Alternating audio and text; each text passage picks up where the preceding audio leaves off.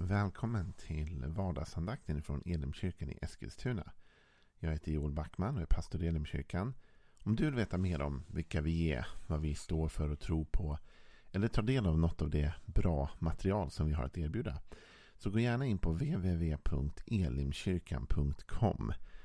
Du kan också gå in och likea vår Facebook-sida Elimkyrkan Eskilstuna eller du kan gå in och prenumerera på vår YouTube-kanal på det sättet missar du inget av det vi erbjuder gratis och fritt. Inspelade gudstjänster, hemgruppsmaterial, och mycket annat.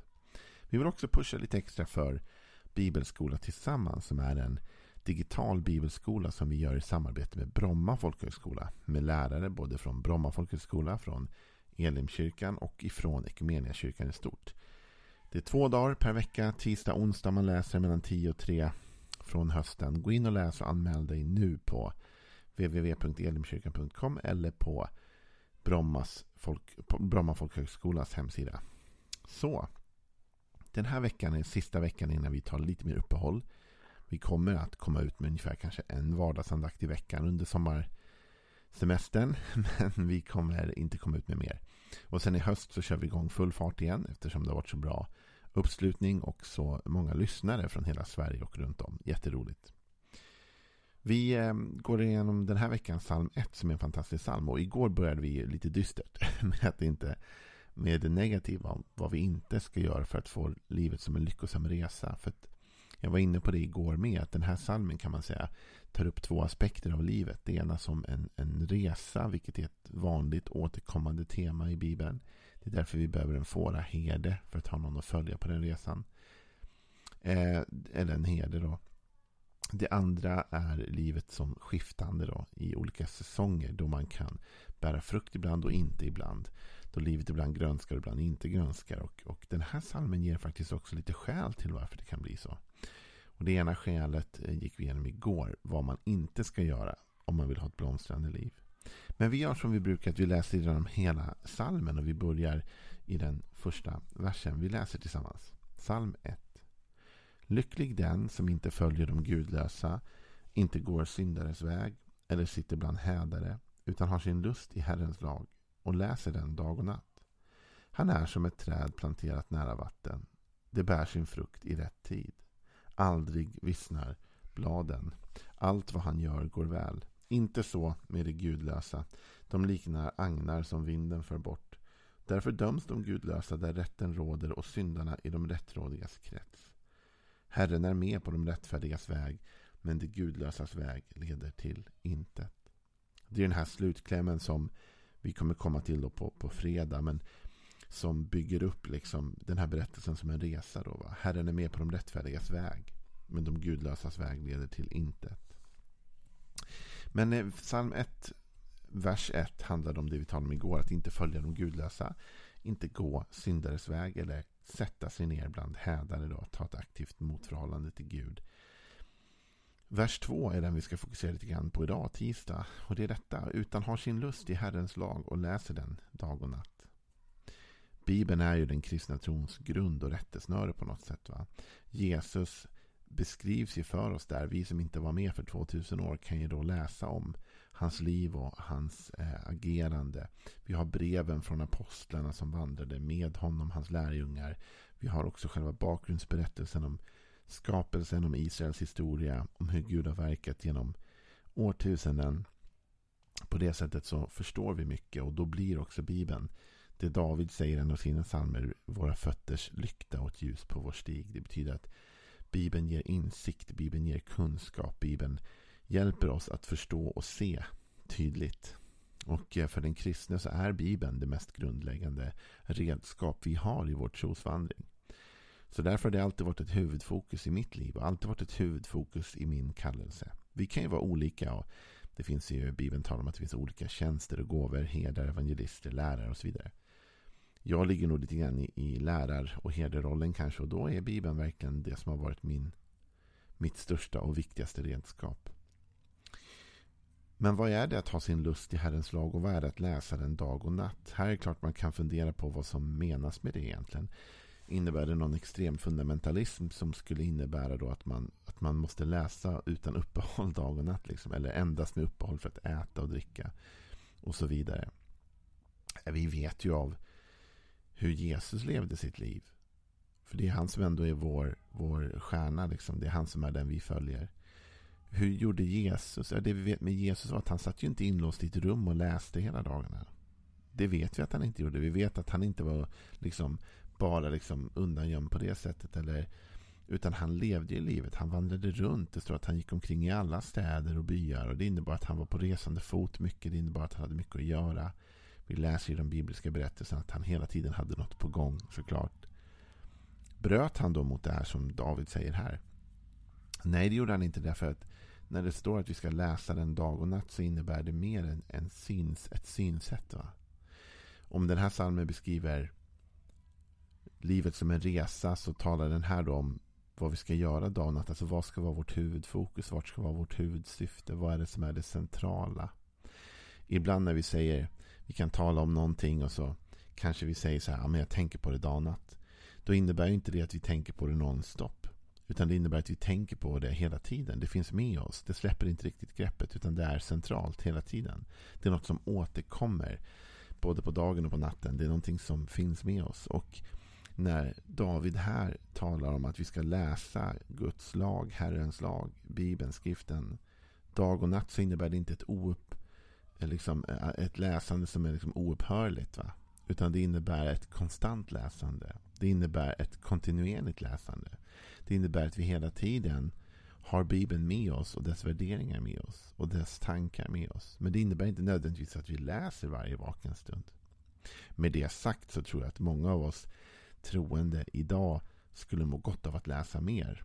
Och i den, i den eh, gruppen inkluderar jag ju mig själv. Jag menar jag själv som pastor och som varje dag ger ut en andakt och undervisar inser ändå att för min egen personliga utveckling skulle jag behöva läsa Bibeln mer.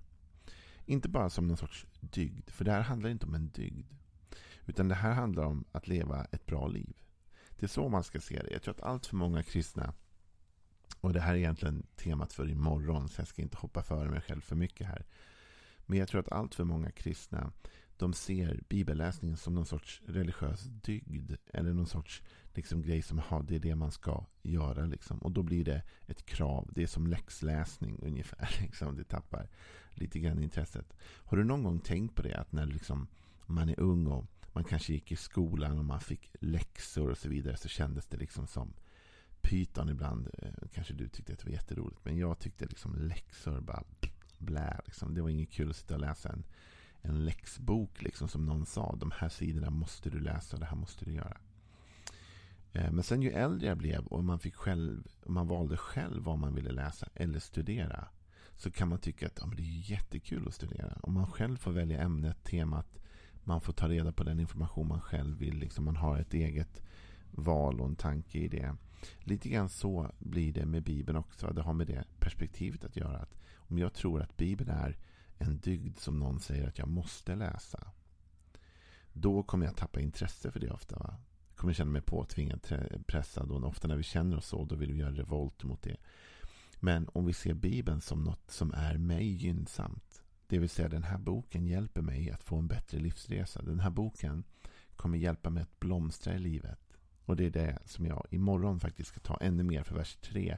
Går in ganska mycket i detalj på det hur livet kan blomstra på grund av denna bok.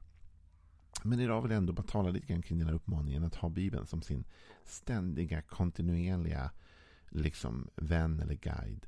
Att ha den med sig hela tiden som en kartbok i bilen. Liksom. Någonting man inte vill åka utan. Liksom. Och nu fattar jag att om du är ung och lyssnar på det här så har inte du haft en kartbok i bilen. Utan du, du sitter med mobilen. Men alltså förr i tiden innan de här smartphonesen och grejer så hade man kanske med sig en vägatlas eller något i bilen. Och man vill inte vara utan det därför tänk om man kommer lost. Och till dig som har då, är ung, för jag säga, det är som att åka ut liksom till en ställe man aldrig varit förut och inte ha med sig sin mobil. Det vill man inte göra. Man vill kunna ha en GPS, man vill kunna kolla upp. Bibeln är som den vägkartan för livet som vi behöver ha med oss. Vi behöver ha den kunskapen med oss.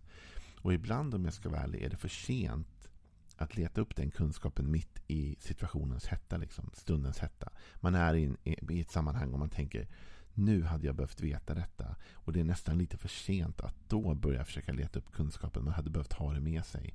Och därför är det så viktigt att vi läser Bibeln i förväg. Va? Så vi inte bara blir reaktionella i vår bibelläsning utan vi är förberedda. Vi har liksom i förväg planerat vårt andliga liv och vårt liv i allmänhet utifrån Bibeln. Ordspråksboken talar mycket om detta. Eh, och Ordspråksboken kapitel 4 till exempel tar upp detta. Hela det fjärde kapitlet handlar om det. Vers 20 kan vi läsa ifrån nu. Så säger författaren, min son, lyssna till vad jag säger. Hör noga på mina ord. Släpp dem aldrig ur sikte. Bevara dem djupt i ditt hjärta. Ty de ger liv åt den som finner dem och läkedom åt hela hans kropp. Tänk på detta nu. Min son lyssnar till vad jag säger. Hör noga. Släpp dem aldrig ur sikte. Så här, här handlar det ändå om liksom att jag släpper det inte för långt bort. Liksom. Jag kanske inte behöver sitta och läsa varje minut varje dag. För vi har jobb och vi har familj. Vi måste uppfostra barn. Vi måste laga mat. Vi har ju massa så här sysslor som vi behöver göra varje dag. Självklart. Så vi kan inte sitta 24 timmar om dygnet och läsa. Men vi kan se till att inte släppa ordet ur sikte. Va? Vi kan se till att vi inte, tapp, att vi inte tappar ut i vårt blickomfång. Utan det hela tiden finns liksom, så att vi ändå kan se det lite grann. Liksom. Behöver inte vara bredvid det hela tiden men ändå se det. Det är inte långt borta. Jag vet vad det är. Jag har koll på det. Det finns med mig.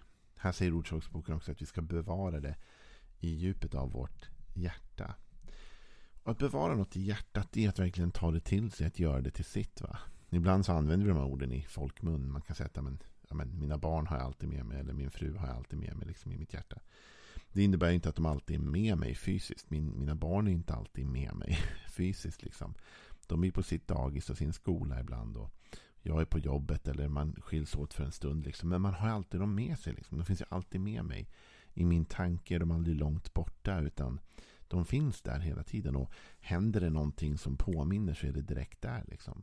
Och likadant så, så måste ordet bli så i vårt hjärta att när någonting händer i vår vardag så kan vi direkt referera det till ordet. Alltså för jag har ordet i mitt hjärta så jag vet vad Bibeln säger. Jag vet vad berättelserna säger. Jag vet hur Jesus agerar. Det fanns en devis för många år sedan som blev poppis när jag var typ tonåring eller någonting. Kan det ha varit, jag kommer inte ihåg riktigt. Men i alla fall. What would Jesus do? WWJD. Man hade en sån här eh, armband på sig. Och eh, det skulle påminna en hela tiden om då, liksom, vad skulle Jesus gjort i den här situationen. Det innebär att jag bär Jesus med mig i tanken. va. Så när någonting dyker upp så tänker jag, okej, okay, hur skulle Jesus ha agerat? På samma sätt är det med ordet. Va? Att, att om ordet får landa i vårt hjärta därför att vi läser dag och natt i meningen. Det finns en kontinuitet i vår bibelläsning som gör att Bibeln är aldrig ur mitt sikte. Den finns ändå alltid med mig. Så landar i mitt hjärta och när det landar i mitt hjärta, va, då när saker händer, då instinktivt så finns det där. En reaktion utifrån Bibeln. Då vet jag vad skriften säger, då vet jag vad ordet säger. Och jag kan agera på ett bra sätt. Och det som vi ska se imorgon, kommer garantera mig en bättre livsresa. Det kommer garantera mig en bättre blomstring i mitt liv. Det är den uppmaning som Josua faktiskt får av eh, Gud när Josua ska ta över i ledarskap efter Mose. Och Det är ingen lätt grej att göra. Mose var den store ledaren för Israel och ledde folket ut ur Egyptens slaveri och genom liksom, vandringen genom öknen. Och nu ska Josua ta över för Mose har dött och Josua ska nu leda folket in i det förlovade landet. Och det är klart så här, hur ska jag nu fortsätta den här resan? Hur ska jag nu göra klart det Mose, den resa Mose började? Hur ska jag slutföra den? Och Gud talar till Josua i det läget. Och han säger så här i Josua i det första kapitlet. Så säger han så här i vers 1 och 7. Eller kapitel 1, vers 7. Så var tapper och stark. Följ troget den lag som min tjänare Mose gav dig. Vik inte av från den åt vare sig höger eller vänster så får du framgång i allt vad du gör. Ha alltid denna lag på dina läppar. Läs lagens bok dag och natt så att du troget följer allt som står skrivet där. Då kommer allt du gör att lyckas så du får framgång. Lägg märke till igen att Guds initiala råd till Josua är att ha boken nära sig hela tiden. Ha den ständigt på dina läppar. Läs den dag och natt. Och då handlar det inte om att vi bara får tala bibelord eller bara måste läsa dag och natt. Men det handlar om en inställning till livet. Alltså, det jag talar är faktiskt och inspirerat av Guds ord. Va? Jag, jag, jag ser till det därför att den finns i mitt hjärta och nu kommer den ut genom min mun. Och jag har liksom denna kontinuerliga bibelläsning som gör att, att, att liksom hela tiden i livet, i alla säsonger, så läser jag Bibeln och så tar jag vara på vad den har att säga mig i alla lägen. Det är det som Gud uppmuntrar Josua och det är det som du och jag också får ta som en uppmuntran i vårt liv den här tisdagen. Att inte låta ordet falla långt ifrån oss. Utan vi uppmuntras att ha vår lust i Herrens lag, att läsa den dag och natt. Det innebär en kontinuerlig bibelläsning. Ska vi ta det som en utmaning den här sommaren, du och jag? Att vi läser Bibeln kontinuerligt. Den får landa i vårt hjärta, den får komma ut genom vår mun. Den finns där hela tiden. Vi fyller på det inre förrådet. Då tror jag att vi kommer få ett väldigt välsignat liv, du och jag. Ha en välsignad tisdag. Hej då.